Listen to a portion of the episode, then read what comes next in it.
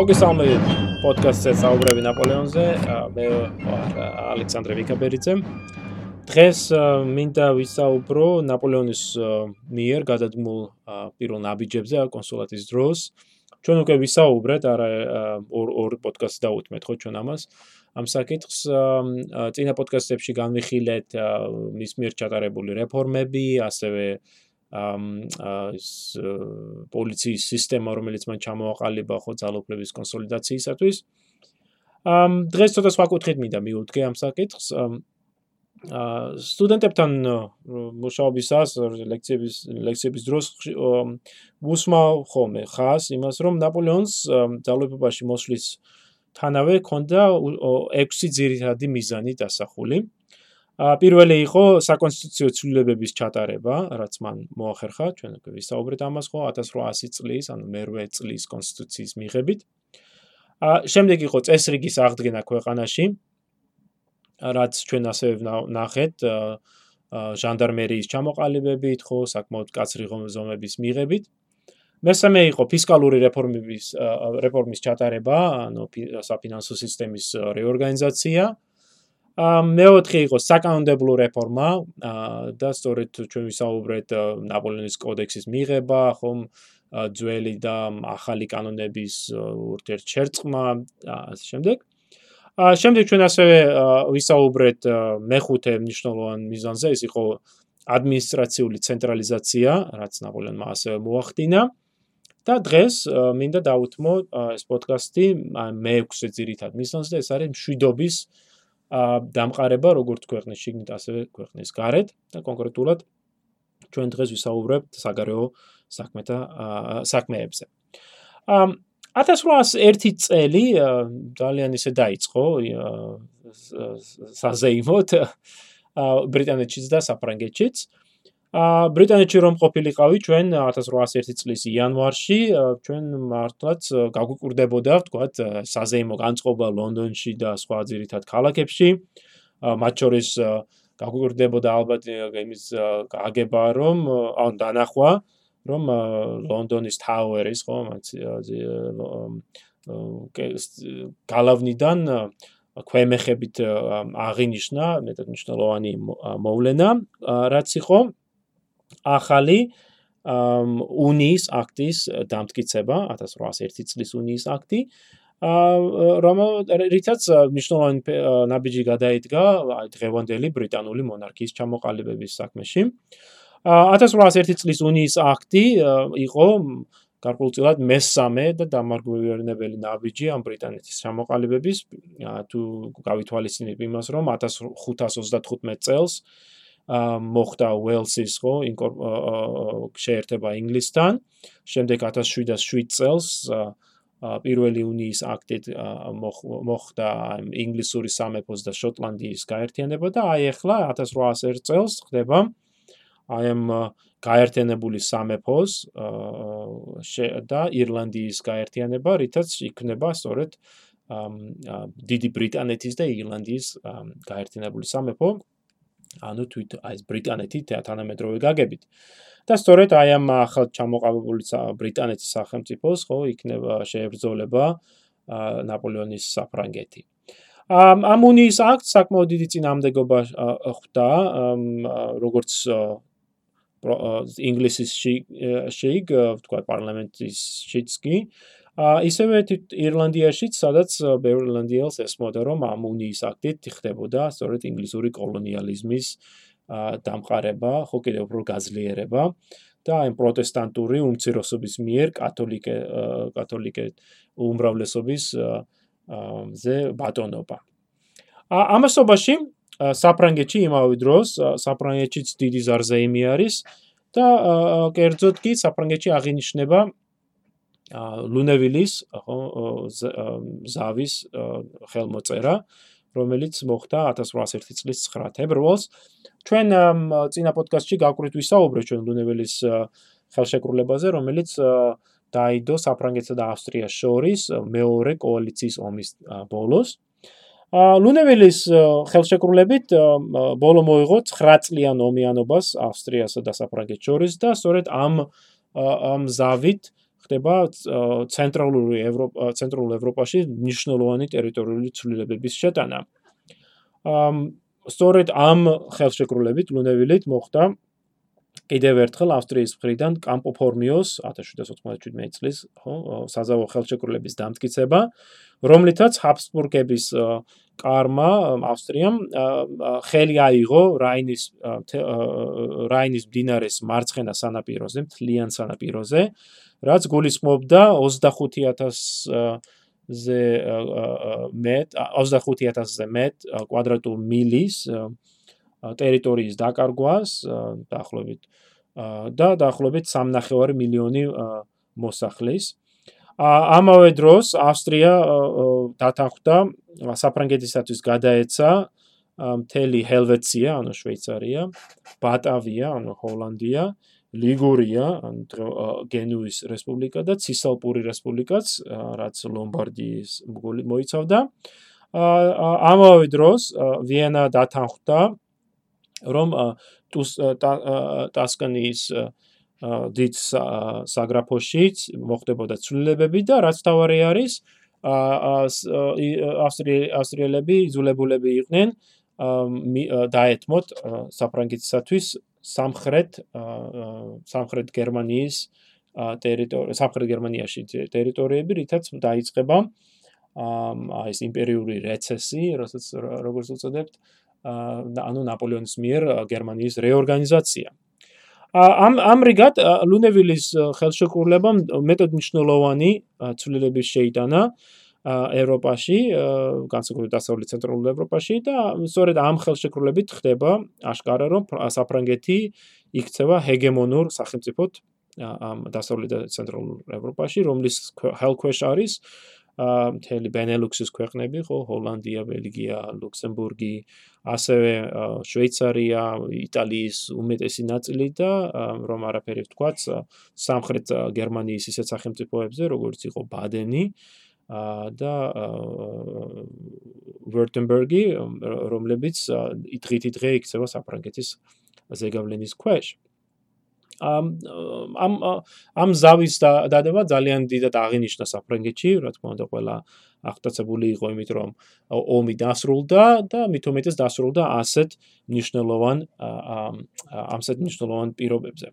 მაგრამ ეს არ იყო ნაპოლეონის ერთადერთი საზავო ხელშეკრულება და მithumetes დიპლომატიური ტრიუმფი, პირიქით ამით დაიწყო გარკვეულწილად ნაპოლეონის ეს დიპლომატიური შეტევა.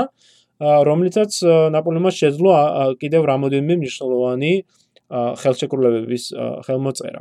მაგალითად, 21 მარტს, იგივე იმავე წლის 21 მარტს, ხდება ხელშეკრულების მოწერა საფრანგეთსა და ესპანეთს შორის, ეგრეთ წოდებული არანჰუესის ხელშეკრულება, რომლითაც კლავ ხდება ამ საფრანგეთსა და ესპანეთს შორის ურთიერთობების მოგვარება. მინდა მსმენელს მოვახსენო, რომ 1793 წელს, როდესაც საფრანგეთის მეფე დაისაჯა სიკვდილით, ესპანეთი ჩაება რევოლუციურ ომებში. მომდენო 2 წლის განმავლობაში იბრძოდა აქტიურად საფრანგეთის წინააღმდეგ და შემდეგ 1795 წლიდან მოყოლებული უფრო ნეიტრალურ პოზიციას იკავებდა. მაგრამ აი ახლა 1801 წელს ხდება ამ ნეიტრალური პოზიციის შეცვლა. ამ არაჰუესის ხელშეკრულება იმით არის საინტერესო, რომ ხდება არა მარტო ესპანეთის ესპანე ესპანეთის საკითხების მოგვარება, არამედ ზოგიერთი იტალიური საკითხსაც. მაგალითად ჩვენ აღნიშნეთ, ახლა რამოდენიმე წუთის წინ აღნიშნე, რომ ლუნევილის ხელშეკრულებით ავსტრიამ ხელი აიღო ტასკანიის დიდ საგრაფოზე. ამ სწორედ ამ საკითხს შეეხო ახლა უკვე არანჰუესის ხელშეკრულება, რომელთაც ამ რომელთაც მოხდა საკმაოდ საინტერესო ცვლილება იტალიაში. პარმეს პარმეს საგრაფოში, რომელიც ესპანეთის ზეგავლენის ქვეშ იყო, პარმის გრაფი ფერდინანდი ხელს იღებდა თავის ტერიტორიაზე, თავის საგრაფოზე, რომლის სანაცვლოდ მისი შვილი ლუდოვიკო ხდებოდა ახლა ჩამოყალიბებული ეტრურიის სამეფოს მეფე. ხოლო ეს თვითონ ეს ეტრურიის სამეფო შეიქმნა სწორედ აი ამ ტოსკანის დიდ საგრაფოდან, რომელიცაც ავსტრიელები ხო განდევნილები იქნენ. ამ რატო ხდება ეს ეს ცვლილება? იმიტომ რომ ტოსკანიის ერთი ნაწილი კი არის ეტრური გადაკეთებული, მაგრამ დარჩენილი ნაწილი კერძოდ ელბის კუნძული გადაეცა თვით საფრანგეთის საფრანგეთს ციცუს საფრანგეთს და რაც თავარი არის საფრანგეთით ამ ამ ამ რეორგანიზაციით ხდება იტალიაში, ცენტრალურ იტალიაში საფრანგულ ინტერესების საგრძნობა გაძლიერება. უფრო მეტიც, აი ამ არანჰუესის არანჰუესის ხელშეკრულებით ასევე საფუძველი ედება ლუიზიანის ვრცელი ტერიტორიის, ხო, მე აგერ ლუიზიანაში ვცხოვრობ მე თვითონ და ყოველდღე ნათლად ჩანს საფრანგეთის ეს ზეგავლენა, მაგრამ აი არანჰუესის ხელშეკრულებით ხდება აი ლუიზიანის ტერიტორიის გადაცემა დასაწყისი ესპანეთიდან საფრანგეთში. ლუიზიანის ტერიტორია ძალიან ვრცელი ტერიტორია იყო, ის მოიცავდა არა მარტო დღევანდელ ლუიზიანას, არამედ ამერიკული ამერიკული შეერთებული შტატების ნახევარზე ცოტა მეც თელს ტერიტორიას, აი ლუიზიანიდან კანადამდე და შემდეგ უკვე ვაშინგტონის შტატამდე დასავლეთით უზარმაზარი ტერიტორია არის და სწორედ ამ ამ დრომდე ის ესპანეთის ხელში იყო, მაგრამ აი არანჰუესის ხელშეკრულებაში ესპანეთი იძულებული არის რომ გადასცეს ლუიზიანის ხელ ტერიტორია საფრანგეთს. ამავე დროს 28 მარტს ანუ არანჰუესის ხელშეკრულებიდან ერთ კვირაში ნაპოლეონმა ხელი მოაწერა ფლორენციის ხელშეკრულებას, რომელიც რომელმაც მოაგვარა ურთიერთობები საფრანგეთსა და ნეაპოლის სახელმწიფოს სამეფოს შორის. ამ ამ ხელშეკრულებით საკმაოდ კაცრი პირობები დაუდო ნაპოლეონმა ნეაპოლს. ნეაპოლის მონარქია იძულებული იყო გადაეცა საფრანგეთსაც კონკრეტული ტერიტორიები, მაგალითად პიომბინოს საგრაფო ცენტრალურ იტალია იტალიაში ასევე იძულებული იყო გაეყვანა ძარები პაპის სახელმწიფოდან და რაც თავია დაეხურა სავაჭრო ცენტრები, პორტები ბრიტანული კომერციისათვის, ხო, ვაჭრობისათვის. ასევე ეს ყველაზე ერთ-ერთი მნიშვნელოვანი გარემოება არის ამ ხელშეკრულებით, პროვინციის ხელშეკრულებით ნეაპოლი ვალდებული იყო მიიღო ფრანგული საჯარისო დანაყოფები, ფრანგული ჯარი, რომელთაც რომლებიც დაიკავებდნენ მნიშვნელოვან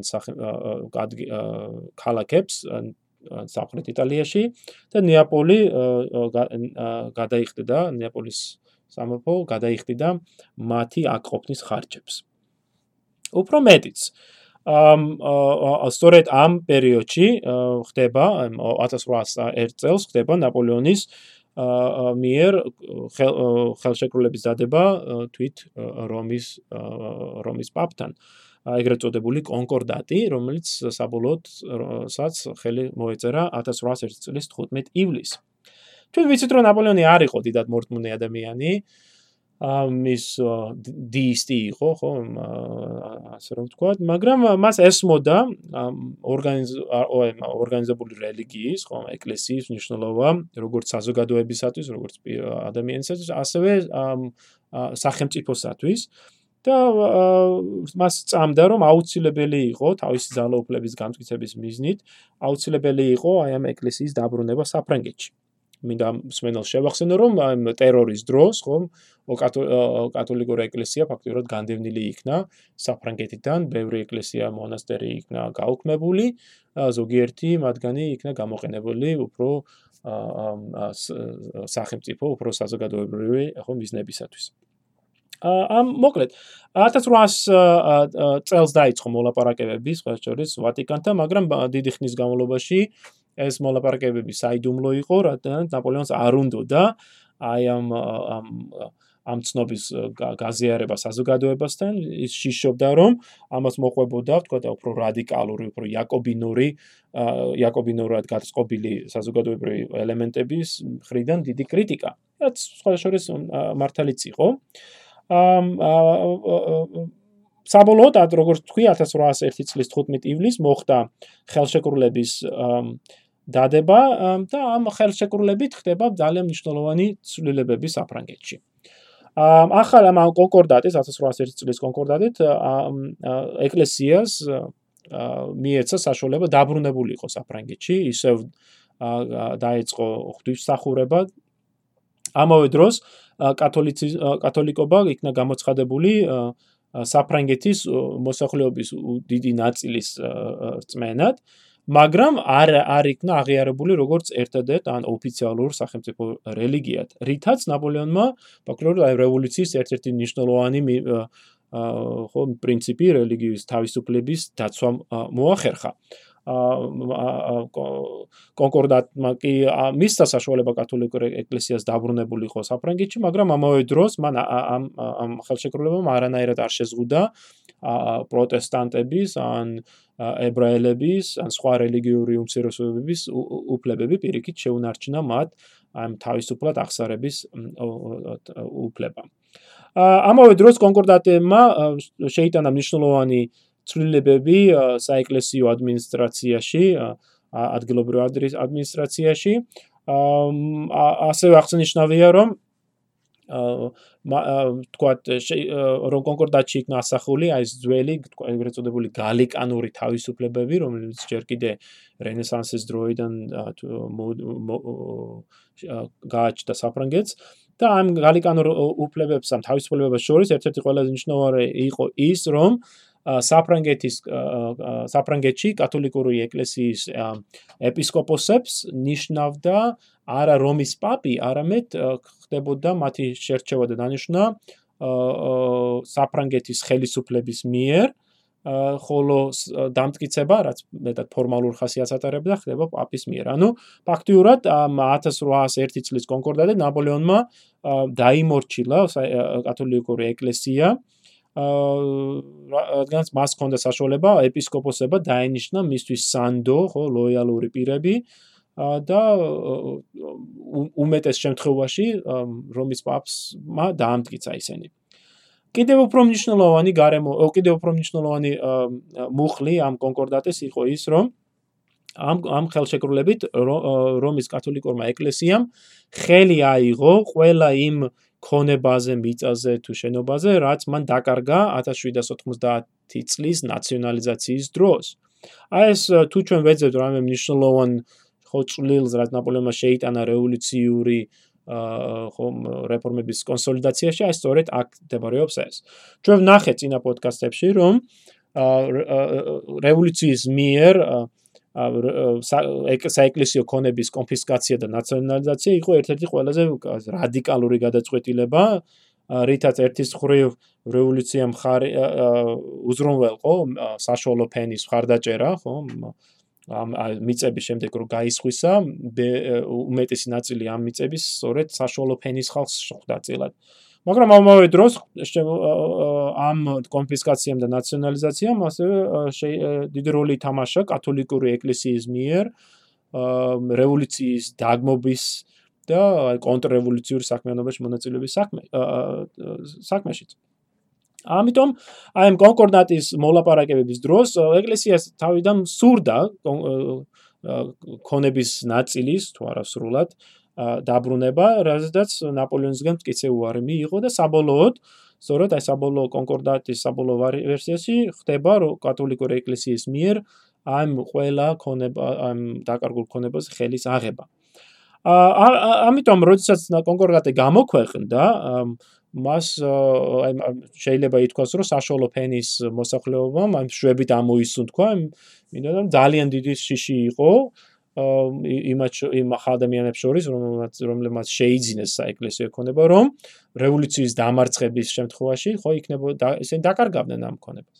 და სწორედ ამას ემსახურებოდა სხვა შორის ნაპოლეონის მიერ აი ამ აი მუხლის ჩადება ან კონკორდატში რომ ამიერიდან ფაქტობრივად საშუალო ფენის მოსახლეობას აქვთ არჩევანი ან დაუჭირო მხარი ნაპოლეონს და თქვა შეინარჩუნა თავისი ქონება ან ნაპოლეონის ხო აა ნაპოლეონი ცხადებს რომ თუ ის დამარცხდება და საფრანგეთში აღსდგება ძველი წესრიგი წესრი კათოლიკური ეკლესია შეეცდება მიწების დაბრუნება სამსაკუთრების დაბრუნებასო. მოკლედ 1802 წლის 18 აპრილს დიდი ზარზეიმი სხვა შორის მოხდა ნოტრდამის ხო ღვთისმშობლის საკათედრო ტაძარში პირველად თითქმის 10 წელიწ 8 ხო 8 წლის განმავლობაში პირველად საეკლესიო ღვთისმსახურება და სხვა შორის ძალიან ისეთი კრიტიკული გამოხმაურება იყო მან დამსწრე საზოგადოებაში იყო არაერთი რესპუბლიკური სულისკვეთებით აღჭურვილი ადამიანი ერთ-ერთმა გენერალმა სხვა შორის ამ ამ ცერემონიის დროს წარმოსთქვა კიდევაც ეს სიტყვა რომ 1 მილიონზე ადამიანი დავკარგეთ ამ ამ რევოლუციურ ომში ხომ რევოლუციის პირობებში და რვისთვისო მართალია 1 მილიონი ადამიანის გადაჭარბებული შეფასება არის, მაგრამ ნუ აზრი ეს არის, რომ აი მთელი რევოლუცია რისთვის იყო საჭირო თუ თქვა ეს ძველი წესრიგის ერთ-ერთი ძირითადი ელემენტი ეკლესია დაბრუნდა. აა მაგრამ ამ კონკრეტულად მნიშვნელოვანი როლი ითამაშა ასევე აი ამ დასავლეთ საფრანგეთში, ხო აი ვანდეაში, ნორმანდიაში, ბრიტანიაში აა წესრიგის დამყარებაში ვიდაიდან ბევრი ამბოხებული პირი ამ ამ რეგიონებში იბრძოდა სწორედ აი თავის რწმენისადმი, ხო, თავისი ეკლესიის დაბრუნებისათვის და როდესაც კონკორდატი გამოცხადდა, ერთ-ერთი მნიშვნელოვანი მოთხოვნა, რაც ამ ამბოხებულებს ჰქონდათ, ფაქტურად დაკმაყოფილებულ იქნა. ა ჩვენ შემდგომში ვისაუბრებთ ამაზე, მაგრამ ალბათ საჭირო არის ეს აღნიშნოთ ამ ეტაპზეც, რომ კონკორდატის დამყარ ხელმოწერისას ნაპოლეონმა შეიტანა ერთი ერთის ხრივ ესეთი უმნიშვნელო მუხლი, მაგრამ რომელიც შემდგომში მეტად მნიშვნელოვანი გამოდგა და ეს არის რომ ამ ამ ხელშეკრულების შეცვლა შეეძლო საფრანგეთის ხელისუფლებას ორგანული კანონების მეშვეობით. და აი ამან ძალიან დიდი როლი ითამაშა შემდგომში უკვე 1202 წლის აპრილიდან ჩვენ ხედავთ ამ ორგანული ხელშეკრულება ამ ამ ორგანული კანონების მიღებას ნაპოლეონის ხელისუფლების მიერ და თვითონ ეს ჩვენ დავინახეთ თუ რა ხდება ხო? ამ კონსოლიდაცია ხდება ნაპოლეონის უფლების ძალაუფლების საკანონმდებლო ორგანოების ჩახშობა და ფაქტობრივად აი ნაპოლეონი ერთპიროვნულად მიიღებს ამ ორგანულ კანონებს რომლითაც ამ ორგანული კანონებით ხდება უფრო და უფრო კათოლიკური ეკლესიის დამორჩილება საფრანგეთის ხელისუფლებისადმი და აი მომდევნო 3-4 წლის განმავლობაში აი ამ ორგანული კანონების მეშვეობით სწორედ ნაპოლეონი განიმტკიცებს თავის ძალაუფლებას კიდევ უფრო. კონკორდატი არ იყო უკანასკნელი ხელშეკრულება, რომელიც ნაპოლეონმა რომელიც ნაპოლეონმა ხელი მოაწერა. პირიქით შეიძლება ვისაუბროთ, ასე თქვა, შვიდობის შეტევაზე ამერიკაში და ბრიტანულ ისტორიოგრაფიაში დამკვიდრებული არის ეს ტერმინი peace offensive. ხო ეს სამშვიდობო შეტევა რომელიც ნაპოლეონი ცდილობდა სხვა სხვა ქვეყნებთან ამ ურთიერთობის დამყარება ჩვენ უკვე ნახეთ ავსტრია, ნეაპოლი, ესპანეთი ნაპოლეონისთვის შემდეგი მნიშვნელოვანი ქვეყანა შემდეგი მნიშვნელოვანი ქვეყანა არის რუსეთი. რუსეთთან ნაპოლეონს ისე საფრანგეთს საკმაოდ ხო ეს დაზებული ურთიერთობა გააჩნდა ჩვენ ვნახეთ რომ 1798 წელს რუსეთი ჩაება მეორე კოალიციის ომში.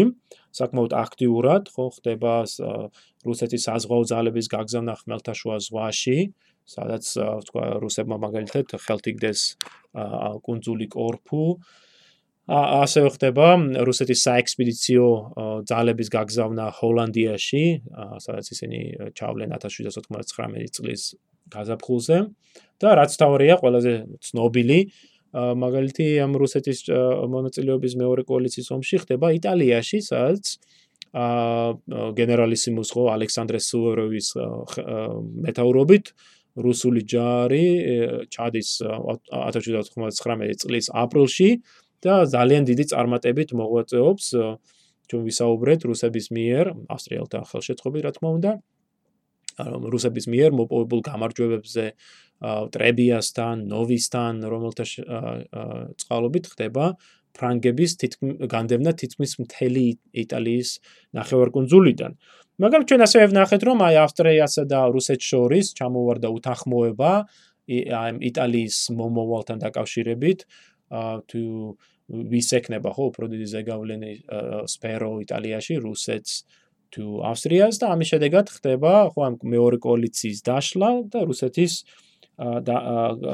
დაბრუნება რუსული ჯარის დაბრუნება სახში რუსეთის იმპერატორი პავლე პავლე პირველი რომელიც ჩვენს მენელს ალბათ მეტად აა ნაცნობი სახელი იქნება. აა სწორედ პავლემ გადაწყვიტა ხომ რუსული ჯარის გამოძახება იტალიიდან და შვეიცარიიდან და უფრო და უფრო პავლე ხდება აი თავის ყოფილი მოკავშირეების ბრიტანეთის და ავსტრიის მოწინააღმდეგე. აა სამისოდ პავლემ აირჩია საფრანგეთთან დაახლოების კურსი და რაშიც დიდი როლი ითამაშა თვით ნაპოლეონმა. ნაპოლეონმა დაინახა რა კოალიციის წევრ შორებს ჩამოვარდნილი უთანხმოება, ხელი შეუწყო ამას. მაგალითად, ნაპოლეონმა კარგად იცოდა აი პავლეს ასე თქო რომანტიკულ შეხედულებაზე ისტორიაზე, მაგალითად ცნობილი არის პავლეს წერილი, რომელიც მან გაუგზავნა ევროპის ხელმწიფეებს და შესთავაზა მოეწყოთ რაინდების ტურნირი, რომელზედაც შუა საუკუნების მსგავსად რაინდების ნაცვლად თვითონ მეფეები გამოვიდოდნენ და შეებრძოლებოდნენ ერთმანეთს და ამით გადაწყვეტდნენ საერთაშორისო ხომ პრობლემებს. ამ და აი ნაპოლეონმა იცოდა აი ესეთ სულისკვეთების შესახებ, იცოდა რომ თქვა პაულეს დიდად ადარდებდა მალტის რაინთა ორდენის ხო ბედი და ასე შემდეგ. ნაპოლეონმა გადაწყვიტა გამოეყენებინა ეს ეს სისტემ. აა 1800 წლის მიწურულს ნაპოლეონმა გამოაცხადა რომ მეორე კოალიციის ომის დროს იტალიაში და ჰოლანდიაში ტყვე ჩავარდნილი დაახლოებით 6000 რუსი ტყვე იქნებოდა განთავისუფლებული სამხრევად, ხო, საფრანგეთი ათავისუფლებს მათ. ამ ჯარისკაცებს დაუბრუნდებოდათ იარაღი, გადაეცემოდათ ახალი სამხედრო ტანისამოსი, რაც თავარია დაუბრუნდებოდათ მათი სამხედრო სიმბოლოები, ხო, დროშები და ასე შემდეგ და რუსეთისგან ყოველგვარი ხარჯის გარეშე ეს ტყვეები დაბრუნდებოდნენ სახში. იმის გათვალისწინებით თუ რა ურთიერთობა ჰქონდა პავლეს ავსტრიასთან და ბრიტანეთთან ამის ფონზე, აი ნაპოლეონის ესეთი გადაწყვეტილება მალად ძალიან მნიშვნელოვანი იყო და პავლე მეტად გახარებული იყო და მოხიბლული იყო ნაპოლეონის გადაწყვეტილებით. და სწორედ აი ამის ფონზე, აი ამ მოლაპარაკებებზე, აი რო ტყვეები ტყვეების დაბრუნების თაობაზე ხდება სწორედ ნაპოლეონსა და პავლეს შორის ურთიერთობების ჩამოყალიბება. ამას შეუწყო ამ ამ ამ გამოჯობესებას ხელი შეუწყო იმანაც რომ რუსეთში უფრო და უფრო წუნდებიან რომ ნაპოლეონი არ წარმოადგენს идеოლოგიურ საფრთხეს, ანუ რევოლუცია ფაქტურად დასრულებული არის და ნაპოლეონი უფრო აი საფრანგეთის ტრადიციულ საგარეო პოლიტიკას უბრუნდება. ამ ხრევ აღსანიშნავია 1800 წლის ოქტომბერში რუსეთის საგარეო მინისტრის როსტოპჩინის მიერ მომზადებული მემორანდუმი ეს სწორედ ის როსტოპჩინი არის, რომელიც შემდგომში მოსკოვის გამგებელი იქნება, ხო, გუბერნატორი 1812 წლის ნაპოლეონის შემოსევის დროს. აი, რომ გადავხედეთ ჩვენ როსტოპჩინის მემორანდუმს, რომელიც იყო გაგზავნილი საფრანგეთის, აი, ფრანგებთან მოლაპარაკებების დროს, ჩვენ ხედავთ შემდეგს, რომ რუსეთი მზად არის საფრანგეთთან მეგობრული ურთიერთობისათვის, მაგრამ აი კონკრეტულ პირობებზე. და კონკრეტული პირობები რა არის? ამ არის ის რომ ფაქტურად ევროპის, განსაკუთრებით სამხრეთ აღმოსავლეთ ევროპის გადანაწილება უნდა მოხდეს, უნდა გაიმიჯნოს საფრანგეთის და რუსეთის ინტერესთა სფეროები. სხვა შორის აი ჩვენ ხედავთ აი მემორანდუმში აი ეგრეთ წოდება აღმოსავლეთის საკითხის, ხო, აღმოსავლური საკითხის ინგლისურად eastern question. აი ამ აღმოსავლური question აღმოსავლური საკითხის გამიჯნა და ჩამოყალიბება. ამ მემორანდუმით რუსეთი სთავაზობდა რუსეთი სთავაზობდა საფრანგეთს აღმოსავლეთის და ან ბალკანეთის პირეთის ბალკანეთის სახელმწიფოს გადანაწილებას. რუსეთი მიიღებდა დღევანდელ რუმინეთს, ბულგარეთს, მოლდავეთს, ხოლო საფრანგეთს გადაეცემოდა ეგვიპტე. ამავე დროს ისეთი ტერიტორიები როგორც იყო ბოსნია, სერბია და აი ეს ისტორიული ვალაჰეთი იქნებოდა ბუფერული ზონა, რომელსაც რომელიც ნაწილებს გადასცემდნენ ავსტრიას, ხოლო ნაწილები იქნებოდა სწორედ არცერთ ქვეყნის ხელისუფლების ქვეშ. და ფაქტურად ხდებოდა აი ევროპული ქვეყნების მიერ ამ ახლო აღმოსავლეთში ექსპანსია, ხო? ოსმალეთის იმპერიის დაქუცმაცება და გადანამის ტერიტორიის გადანაწილება. ამ ასევე სწორედ ამ მემორანდუმით იყო იყო საუბარი ჩრდილოეთ ევროპაში, აი ბალტიკის ბალტიის პირეთში ახალი ეგრეთ წოდებული ნეიტრალიტეტის, ხო შეერაღებული ნეიტრალიტეტის ლიგის ჩამოყალიბება, რომელშიც შევიდოდა რუსეთი, შვედეთი, დანია და პრუსია და მოხდებოდა აი ჩრდილო ჩრდილო ევროპაში ამ ქვეყნების ინტერესების დაცვა ბრიტანეთისგან. ნაპოლეონი მოხარული იყო ამ ამ ამ რა ვთქვი ამ შეთავაზებებით, მაგრამ ბუნებრივია მას არ სურდა ამ მემორანდუმის და მოთხოვნების გაზიარება და მიღება, იმიტომ რომ ამ ამით მოხდებოდა რუსეთის მეტად გაძლიერება აღმოსავლეთ ხმელთაშუა ზღვის პირეთში. მართალია რუსეთი პირ ხოს თავაზობდა საფრანგეთს ეგვიპტეს, მაგრამ საპირისპიროდ ბალკანეთის ნახევარკუნძულის დიდ ნაწილს სათავისოდ იჩემებდა. მაგრამ მაინც მოლაპარაკება გაგრძელდა და სწორედ აი მოლაპარაკებების ფონზე ხდება ეგრეთ წოდებული პირველი კონტინენტალური სისტემის ჩამოყალიბება. ამ სწორედ აი საფრანგეთის და რუსეთის მოლაპარაკებების შედეგად გადაწყდა ევროპაში ბრიტანული კომერციის, ბრიტანული სავაჭრო ინტერესების შელახვა. ეს ხდება სწორედ აი ჭრდილოეთ ევროპაში, ბალტიის პირეთში, ამ შეერაღებული ნეიტრალიტეტის ლიგის ჩამოყალიბებით, რომელშიც როგორც აღნიშნე, შევიდა რუსეთი, შვედეთი, დანია და პრუსია. ამ ნაპოლეონი მხოლოდ მიესალმებოდა ამ ამ გადაწყვამ ამ ნაბიჯს და ხელს უწყობდა თავის შეძლებისაგმებრ ამ ამ რეგიონში ბრიტანული ინტერესების შელახვას. ბუნებრივია ამ ლიგის ჩამოყალიბებამ დიდი დიდი საფრთხე შეუქმნა ბრიტანულ ინტერესებს და ჩვენს ხედავ ბრიტანულ პასუხს და უხონებლივ პასუხს. კონკრეტულად 1800 წლის მიწურულიდან ხდება ბრიტანული ბრიტანული ფლოტის გაგზავნა ჩრდილო ზღვაში, ჩრდილო ზღვაში, სადაც ნელ-ნელა იწყება ამ დაძაბულობა ბრიტანულსა და დანიის ბრიტანულ და დანიის საზღვაო ძალებს შორის. ამ ყოველივე ამას ეს ყოველივე ეს შორის აღწევს თავის ზენიტს 1801 წელს, როდესაც ბრიტანელებმა გადაწყვიტეს ხო მოეხდინებინათ სამხედრო ინტერვენცია, ასე ვთქვათ, 1800 წლის გაზაფხულზე. სამ ბრიტანული სამხედრო შეერაღებული საზღვაო ფლოტი გაემგზავრა კოპენჰაგენში, სადაც მარტს და ხო გაზაფხულზე მოხდა თავდასხმა კოპენჰაგენ თვითონ დანიის დედაქალაქზე. ამ ამ შეტევას უძღოდა ცნობილი ადმირალი დაკვორთი და რომელსაც თან ახლდა თვით ჰორაციო ნელსონი და სწორედ ამ თავდასხმის შედეგად ხდება დანიის საზღვაო ძალების აა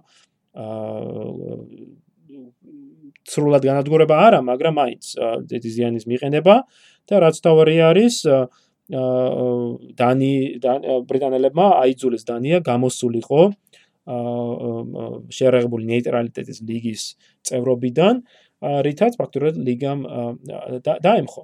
მაგრამ ამ სწორედ ამ დროს აი როდესაც მარტში ეს ყოველივე ხდება. ხო თავდასხმა კოპენჰაგენზე ხო დანიის გამოსვლა ლიგიდან.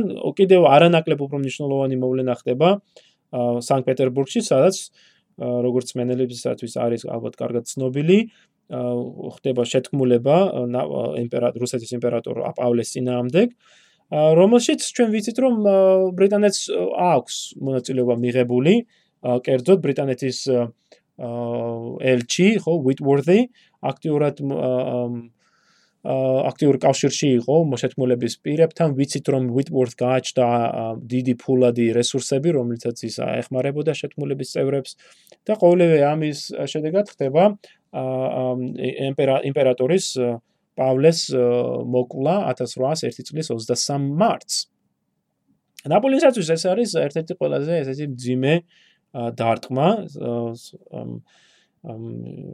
ვიცით რომ მან ჩვენ გვაქვს თვითუღელების ჩანაწერები რომ ნაპოლეონმა ძიდად განიცადა განიცადა ეს პავლეს სიკვდილი და ერთ-ერთ მომენტში ნაპოლეონმა თქვა კიდევაც რომ ამ ბრიტანელებმა მე ვერ მომკლეს მაგრამ ჩემ ლახვარი ჩამცეს სანქტ-პეტერბურგშიო ანუ პავლეს სიკვდილითო ხო ნაპოლეონის ინტერესებით შელახეს რატომ?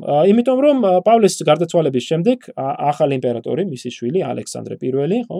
ალექსანდრე დაუყოვნებლივ შეცვალა მამამისის საგარეო პოლიტიკა. პირველ რიგში მან 17 ივნის ხელი მოაწერა კონვენციას ინგლისთან, რომელთაც ხდება მეგობრული ურთიერთობის აღდგენა ორ ქვეყანას შორის და რაც თავარია ალექსანდრემ დაიწყო ფეხის თრევა აი რუსეთ რუსეთ საფრანგეთის ურთიერთობებში. მას ნამდვილად არ სურს მამისგან განსხვავებით არ სურს საფრანგეთთან დაახლოება და უფრო სურს ნეიტრალური ურთიერთობების შენარჩუნება უმეტეს რაც როდესაც ეს შეეხება გერმანიის სახელმწიფოებს სადაც ნაპოლეონი დღითი დღე ხო ზრდის თავის ხელისუფლებას კიდევ ერთი ხელშეკრულებაზე მინდა კიდევ ერთი ხელშეკრულება მინდა აღნიშნო. ეს არის უკვე 1802 წელს გაზაფხულზე პარიზსა და ბერლინს შორის მეგობრ საზავო ხელშეკრულების ხელმოწერა. პრუსიამ როგორ ჩვენ ნახეთ წინა პოდკასტებში საფრანგეთსა და პრუსიას შორის საკმაოდ დაძაბული ურთიერთობა ჩამოყალიბდა რევოლუციის დაწყებისთანავე პრუსია იყო ერთ-ერთი პირველი ქვეყანა, რომელმაც ომი გამოუცხადა რევოლუციურ საფრანგეთის რევოლუციურ ხელისუფლებას 1792 წლის გაზაფხულზე. პრუსელებმა აქტიური მონაწილეობა მიიღეს ხო საფრანგეთის ძინაამდეგ სამხედრო მოქმედებებში, მაგრამ საბოლოოდ 1795 წელს მათ არჩიეს ხო ზავის მოწერა, ხელშეკრულების მოწერა საფრანგეთთან და 95 წლიდან მოყოლებული პრუსია უფრო ნეიტრალურ პოზიციას იკავებს. მაგრამ აი 1801 1802 წლებში ხდება ამ პრუსიული პოზიციის შეცვლა. ამ ხრივ მნიშვნელოვანი არის აი ეგრეთ წოდებული ჰანოვერის საკითხი. ჰანოვერი როგორც სენელს მოიხსენება ეკუთვნოდა ბრიტან ბრიტანეთის ხო სამეფო დინასტიას 1000 714 წლიდან მოყოლებული ბრიტანეთს ხომ მართავდა ეგრეთ წოდებული ჰანოვერული დინასტია. და აი ნაპოლეონის ხრივ ხრიდან ბრიტანელების ინტერესების შევიწროება კონტინენტზე ხდება სწორედ ამ ჰანოვერის ხარჯზე ნაპოლეონს აი 1802 წლის მაისში როდესაც ხელი მოეწერა ხელშეკრულებას პარიზსა და პარიზსა და ბერლინის შორის აი აქ ჩვენ ხედავთ რომ ერთის ხრივ პრუსია ცნობდა საფრანგეთის ინტერესებს სამხრეთ გერმანიაში მაგალითად ცნობდა კონკრეტული ტერიტორიების გადაცემა საფრანგეთისათვის რომ არაფერი ვთქვათ გერმანული სახელმწიფოების რეორგანიზაციას ხო სამხრეთ გერმანიაში მაგრამ მეორე ხრივ ნაპოლეონი ასევე თანხდებოდა მხარე დაეჭირა პრუსიისათვის აი ჰანოვერის საკითხში, რომელსაც რომლის ხელში ჩაგდებათ პროცესის დიდი ხნის განმავლობაში სურდა. და ბოლოს საბოლოოდ კიდევ ერთი ხელშეკრულება, რომელიც ნაპოლეონმა ხელი მოაწერა, ეს უკვე 1802 წლის გაზაფხულზე არის ალბათ ყველაზე მნიშვნელოვანი ამ ამ ხელშეკრულებებიდან და ეს არის ამიენის ხელშეკრულება, რომელიც სადაც ხელი მოეწერა 25 მარტს 1802 წლის 25 მარტს. სწორედ ამ ხელშეკრულებით დასრულდა აი ეგრეთ რევოლუციური ომები ფორმალურად, ვინაიდან ეს იყო უკანასკნელი ხო ხელშეკრულება საფრანგეთსა და მის მოწინააღმდეგე ქვეყანას შორის, კონკრეტულად ბრიტანეთს შორის. ნაპოლეონმა სადა ბრიტანეთთან საერთო ენის მონახვა ძალაუფლებაში მოსვლის თანავე, ჯერ კიდევ 1799 წლის შობას შობის დღეს მან მიწერა ცნობილი წერილი ბრიტანეთის მეფისადმი ჯორჯ ხო მესამესადმი რომელშიც ამბობდა რომ აი ამ თითქმის 8 წლის 8 წლიანი ომიანობის შემდეგ უკვე დრო დგება ამ ორ ქვეყანას შორის შვიდობის აღდგენას.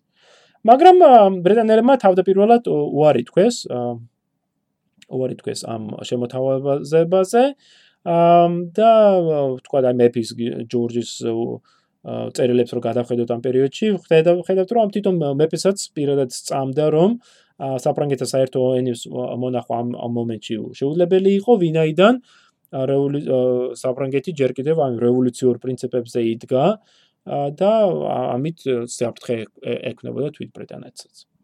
ამ 1800 წლის თებერვალში ყოველწლიური ეს შეხვედრის დროს ბრიტანეთის მეფემ საპარლამენტის ორივე ხო პალატას განუცხადა რომ საჭირო არის დამატებითი რესურსების, ფინანსური რესურსების გადაცემა ბრიტანეთის მოკავშირეებისათვის საფრანგეთის წინააღმდეგ საომარი მოქმედებების წარმოებისათვის. კერძოდ საუბარი იყო 2 მილიონზე მეტ სტერლინგზე, ფუნტ სტერლინგზე, საკმაოდ სოლიდურ თანხაზე, რამაც ძალიან დიდი ნებათა ღელვა გამოიწვია პარლამენტში. ოპოზიციის წევრები, ხო, პოლიტიკური ოპოზიციის წევრები გმობდნენ ამ ამ ომიანობას, ამბობდნენ რომ არ იყო საჭირო ამდენი რესურსების, ამდენი ფულის ფლანგვა ევროპაში, მაშინ როდესაც თვით ბრიტანეთს დიდი პრობლემები ჰქონდა. ამ ცნობილი არის ჯორჯ თიერნის, აი ოპოზიციის ერთ-ერთი ლიდერის სიტყვა, რომელიცაც ის მოითხოვდა ხელისუფლებისგან, ამ დროს პრემიერ-მინისტრი არის უილიამ პიტი, აი ითხოვდა ფილიპიტისგან, ერთ წინადადებაში ამიხსნით რისთვის ვიბრძვითო, კონკრეტულად რა არის აი ამ ბრიტანულის ბრიტანეთის ხო მიზანი ამ თელს ომში. და პიტმა პიტმა ეს მოკლე ხარტი პასუხი აა გასცა ტირნის კი ბატონო, ერთ სიტყვით გეტყვითო, ერთი წინადებაც კი არ მინდაო, ერთ სიტყვით გეტყვი და ეს არისო უშიშროება, ანუ ეროვნული შიშროება, ეროვნული უსაფრთხოება ამ ამ ხრივ. აა უსაფრთხოება რისგან? აა უილიამ პიტის სიტყვით უსაფრთხოება არა მარტო ანუ უსაფრთხო არა მარტო რევოლუციური რადიკალიზმისგან, ამ რაც მეტად აღელვებდათ მათ, ხო, იაკობინიზმი, ასე როგორც პიტი უწოდებდა მას, ასევე უსაფრთხოება ამ საფრანგეთის მხრიდან ევროპაში ჰეგემონიის, ხო, დაწესებისგან. მართლაც აი ბრიტანელებმა შეძლეს ამ სუბსიდიის გადაცემა ავსტრიელებისათვის და ჩვენ ნახეთ თუ რაც მოუვიდა ავსტრიელებს იმავე წელს 1800 წელს ისინი დამარცხდნენ ხო ჯერ არენგოსთან, შემდეგ ხოხენლინდენთან და ფაქტურად 1801 წელს ლუნევილის ზავის ხელმოწერის შემდეგ ბრიტანეთი მარტო რჩება, მარტო რჩება პირისპირ რჩება საფრანგეთთან. არც ესპანეთი, არც პრუსია, არც ავსტრია და მithumetes არც რუსეთი მის გვერდში აღარ დგას. და სწორედ აი ამ მომენტში, ამ 1801 წლის მიწურულისთვის ხდება აშკარა ბრიტანელებისთვის, რომ ომის ასე წარმოება შეუძლებელი არის, რომ ბრიტანელებმა საჭირო არის საერთო ენის მონახვა საფრანგეთთან და ზავის დადება, თუნდაც ცირეხნით ზავის დადება, რომ აი ამოსუნთქვის საშუალება მიეცეს ბრიტანულ საზოგადოებას, ასევე ბრიტანულ ეკონომიკას. და მართლაც დაიწყო მოლაპარაკებები 1801 წელს, რომელიც საკმაოდ დიდხანს გაგრძელდა და აი სწორედ ამ მოლაპარაკებების ფონზე ხდება საინტერესო მოვლენები. ბრიტანეთის ერთადერთი მნიშვნელოვანი მოკავშირე ამ დროისათვის არის პორტუგალია. პორტუგალიასა და ინგლისს შორის ძალიან დიდი ხნის ურთიერთობა, ხო დიდი ხნის ალიანსი ახასიათებს, ეს ალიანსი ჯერ კიდევ მე-13 საუკუნეში შეიძლება დავინახოთ ხომ ის დასაწყისი. და აი სწორედ აი ბრიტანეთზე ზეწოლის მიზნით ნაპოლეონი ცდილობს აი პორტუგალიაში ინტერვენციას. აა კერძოდ რა ხდება 1801 წლის ზაფხულში აი სწორედ აი არანხუასის ხელშეკრულების და სხვა მოლაპარაკების შემდეგ ჩამოყალიბდა ალიანსი საფრანგეთსა და ესპანეთს შორის რომელიც მიზნად ისახავდა პორტუგალიის დაქუცმაცებას. მართლაც 1801 წლის ზაფხულში ესპანური ჯარები ფრანგულის ხელშეწყობები შეიჭნენ პორტუგალიაში და ეგრეთ წოდებული ორანჟების ომის შედეგად შეძლეს პორტუგალიის დამარცხება და პორტუგალიის სამეფო დინასტიის ო ბრაგანზის დინასტიისათვის ახალი ხელშეკრულების ბადახოსის ხელშეკრულების თავზე მოხვევა. ამ ამ ხელშეკრულებით ხდება პორტუგალიის ტერიტორიის გასხვისება, ეგრეთ წოდებული ოლივენციის პროვინციის ჩრდილოეთში, ჩრდილო პორტუგალიაში, ამ პროვინციის გადაცემა ესპანეთში და რაც თავარია, ეს საფრანგეთის თვის თავარი, პორტუგალიის პორტების დახურვა ბრიტანული კომერციისათვის, ბრიტანული ვაჭრობისათვის. ანუ აი კიდევ ერთხელ ხედავ ნაპოლეონის მხრიდან, ხო, ბრიტანელების ინტერესების შელახვა. იტალიაში უკვე ეს მოხდა, ხო, ნეაპოლმა დახურა თავის სავაჭრო თავის პორტები ვაჭრობისათვის ბრიტანეთთან.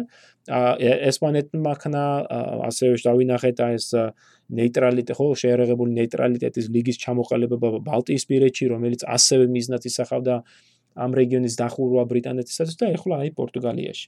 და ამით კიდევ ერთი კიდევ ერთხელ ხდება აი ზეგავლენი, ხო ზეწოლა ბრიტანეთზე. ამან გამოიღო გარკვეულწილად შედეგი ბრიტანელებმა მოიღეს მონაწილეობა, დაიწყეს უფრო აქტიურად მონაწილეობა საფრანგეთთან მოლაპარაკებებში. ბრიტანელების მხრიდან თავარი წარმომადგენელი იყო ლორდ კორნვალესი, ამერიკის ისტორიის აა დაინტერესებულებისათვის, ხო, ეს ცნობილი სახელი არის, სწორედ კორნვალესი იყო ხო, ბრიტანული ჯარის ხერხთავარი და დამარცხდა იორკტაუნთან. ხოლო საფრანგეთის მხრიდან წარმომადგენელად მსახურობდა ნაპოლეონის ძმა ჟოზე ბონაპარტი. აა და 1801 წლის შემოდგომაზე ისინი აქტიურად მოლაპარაკებებს აწარმოებდნენ ქალაქ ამიენში. ძალიან ისე საყვარელი მყუდრო ქალაქი არის ჩრდილო-დასავლეთ საფრანგეთში. რომლის შედეგად მოხდა აი სწორედ ამ ამიენის ხელშეკრულების ხელმოწერა.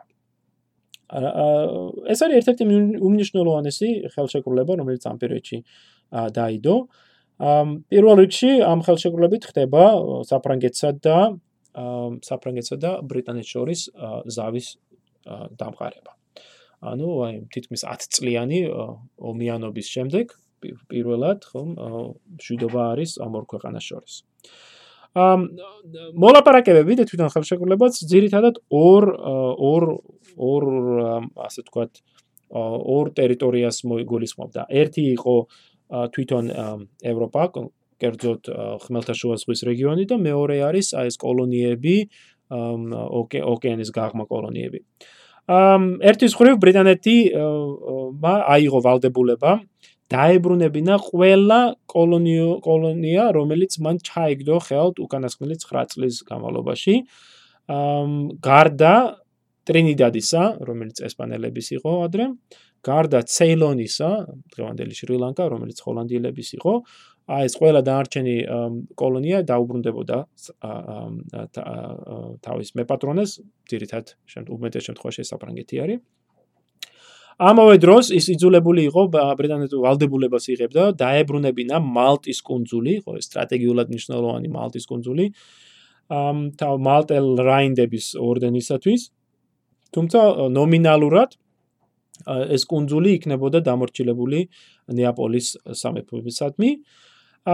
და რაც თავარია ხმელთაშუა ზღვაში ბრიტანეთი ვალდებულებას იღებდა დაეტოვებინა ყველა ის საპორტო ადგილი რომელიც მან რომელთა ოკუპაციაც მან მოახდინა უკანასკნელი რამოდენიმე წლის განმავლობაში და ეს განსაკუთრებით მნიშვნელოვანი არის ეგვიპტესთან მიმართებით ჩვენ ვნახეთ, რომ ნაპოლეონის ლაშქრობის შემდეგ 1798-19 წლებში ხომ ეგვიპტეში შეიჭრა ბრიტანული ჯარი და 1801 წელს მოხდა ამ ამ ამ რეგიონის დაკავება. და სწორედ ეხლა ამიენის ხელშეკრულებით ბრიტანეთი იღებს ვალდებულებას დაატოვოს ეგვიპტეც. ამის საპასუხოდ საბრანგეთი იღებდა ვალდებულებას დაეტოვებინა ნეაპოლი, ჩვენ ნახეთ ხომ, აი რამდენიმე წუთის წინ რომ ფლორენციასთან, ეს რა ქვია, ნეაპოლთან ხელმოწერილი ხელშეკრულებით ნაპოლეონს ჰქონდა საშუალება ნეაპოლისში ჯარის განლაგების, მაგრამ აი ახლა ამიენით ის იღებს ვალდებულებას დატოვოს ნეაპოლი. ასევე გაიყვანოს ჯარები ცენტრალური იტალიიდან და ჰოლანდიიდანაც ასევე ორივე ორივე მხრიდან ხდება სავაჭრო ხელშეკრულება სავაჭრო ინტერესების მოგვარება რომლისთანაც ნაპოლეონი ვალდებულებას იღებდა გაეხსნა საფრანგეთი ბრიტანული კომერციისათვის და არ შეეშალა ბრიტანული ვაჭრობისათვის დაარჩენ კონტინენტის დაარჩენ ნაწილებში. ამიანის ხელშეკრულებას ქონდა საშუალება ხო აიყო ეს მომენტი რომ აი შეეძლო თქო ერთის ხრივ დაემყარებინა მშვიდობა ევროპაში და გარკვეულწილად მას მოახერხა ეს ყოველ შემთხვევაში წელიწად ნახევრის განმავლობაში მართლაც ევროპაში სუფეს მშვიდობა. აა მაგრამ თვითონ ამ ხელშეკრულებაში უკვე არის ისეთი პრობლემატური საკითხები, რომლითაც აშკარა ხდება და თანამედროვეებისათვისაც აშკარა იყო, რომ ეს ზავი დიდხანს ვერ გასტანდა. აა კერძოდ აი ეს საბაჭრო საკითხი, რომელიც ნაპოლეონმა რომელზედაც ნაპოლეონი დათანხმდა, ხომ? აა ვიცით რომ ნაპოლეონმა ნაპოლეონი კარგად უწყვიდა იმას, რომ შეუძლებელი იქნებოდა საფრანგეთის აა გახსნა ბრიტანული კომერციისათვის. ვინაიდან ბრიტანული ბრიტანეთი ამ დროისათვის უკვე ინდუსტრიალიზაციის პირველ საწყის საფეხურებზე არის. უკვე ჩვენ შეგვიძლია სამომავ თქვათ, რომ დაახლოებით 30 წლის ინდუსტრიალიზაცია ხდება, ხო, ეს პირველი ინდუსტრიული რევოლუციის წლებია. მაშინ როდესაც საფრანგეთში ეს ამის ნიშნები ჯერ არ აგვაქვს. ამიტომ ბრიტანეთს უფრო დიდი ინდუსტრიული ბაზა გააჩნია, უფრო უფრო ბევრად განვითარებული სავაჭრო სისტემაც და რომ გაიხსნა ნაპოლეონს რომ გაიხსნა საფრანგეთის ხო ბაზარი ბრიტანეთისათვის მოხდებოდა საფრანგეთისთვის საზიანო მოვლენა.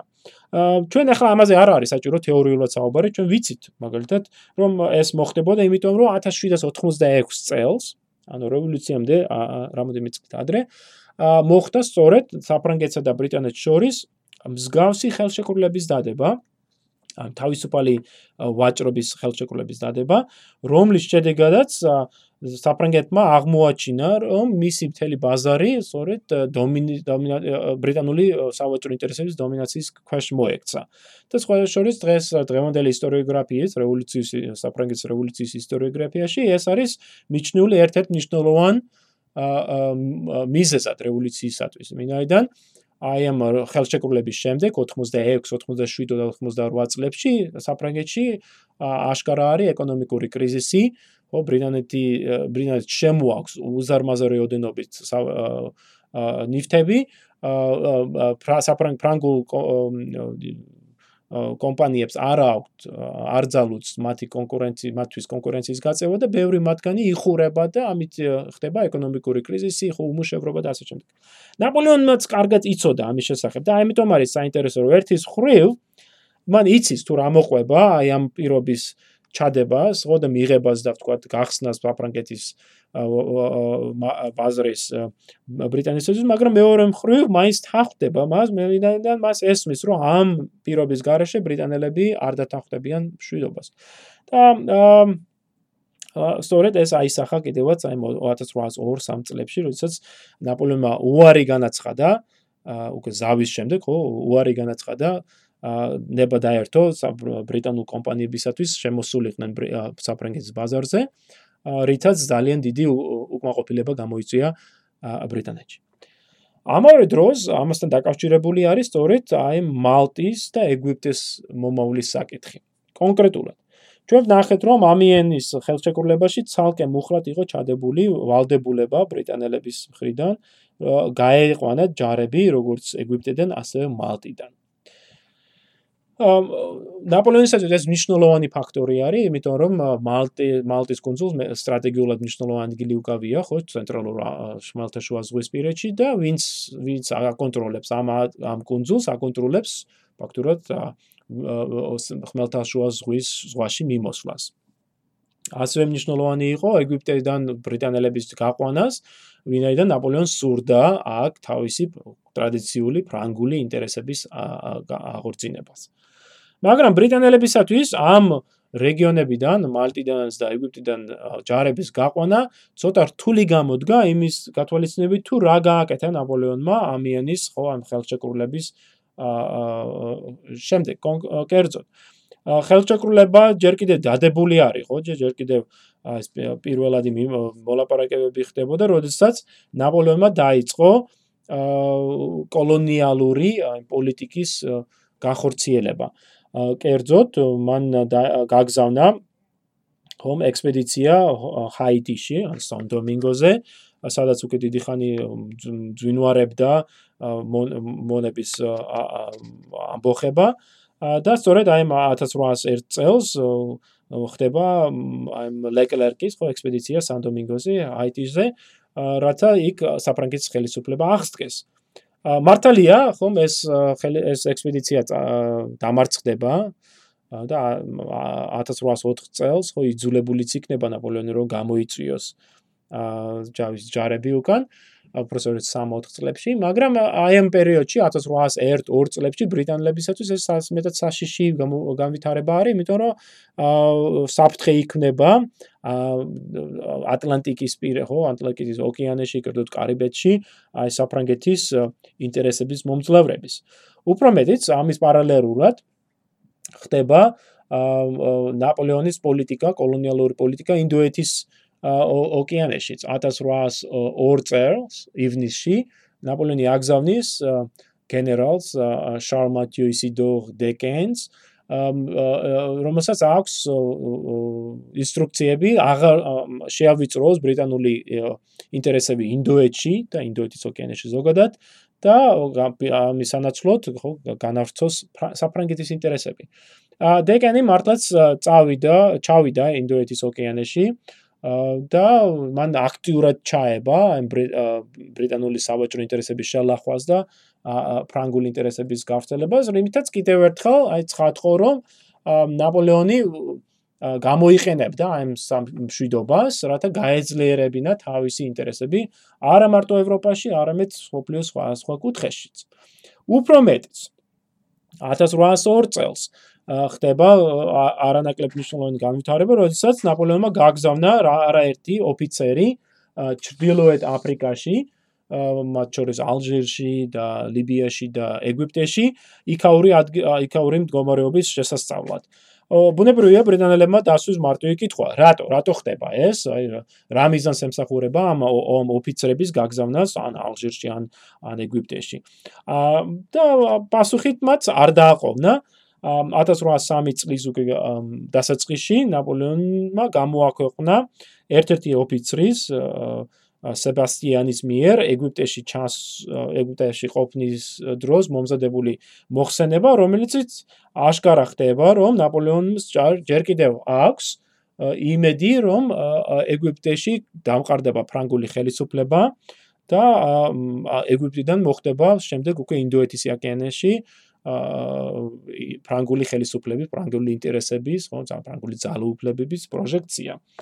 აი ყოველივე ამან აი მართლაც დიდი დიდი ვნება და ღელვა გამოიწვია ბრიტანეთში ამ კოლონიალურ პოლიტიკა და ამან ეს ვნება და ღელვა კიდევ უფრო გაიზარდა იმის გათვალისწინებით თუ რა საქმიანობდა ნაპოლეონი თვით ევროპაშიც.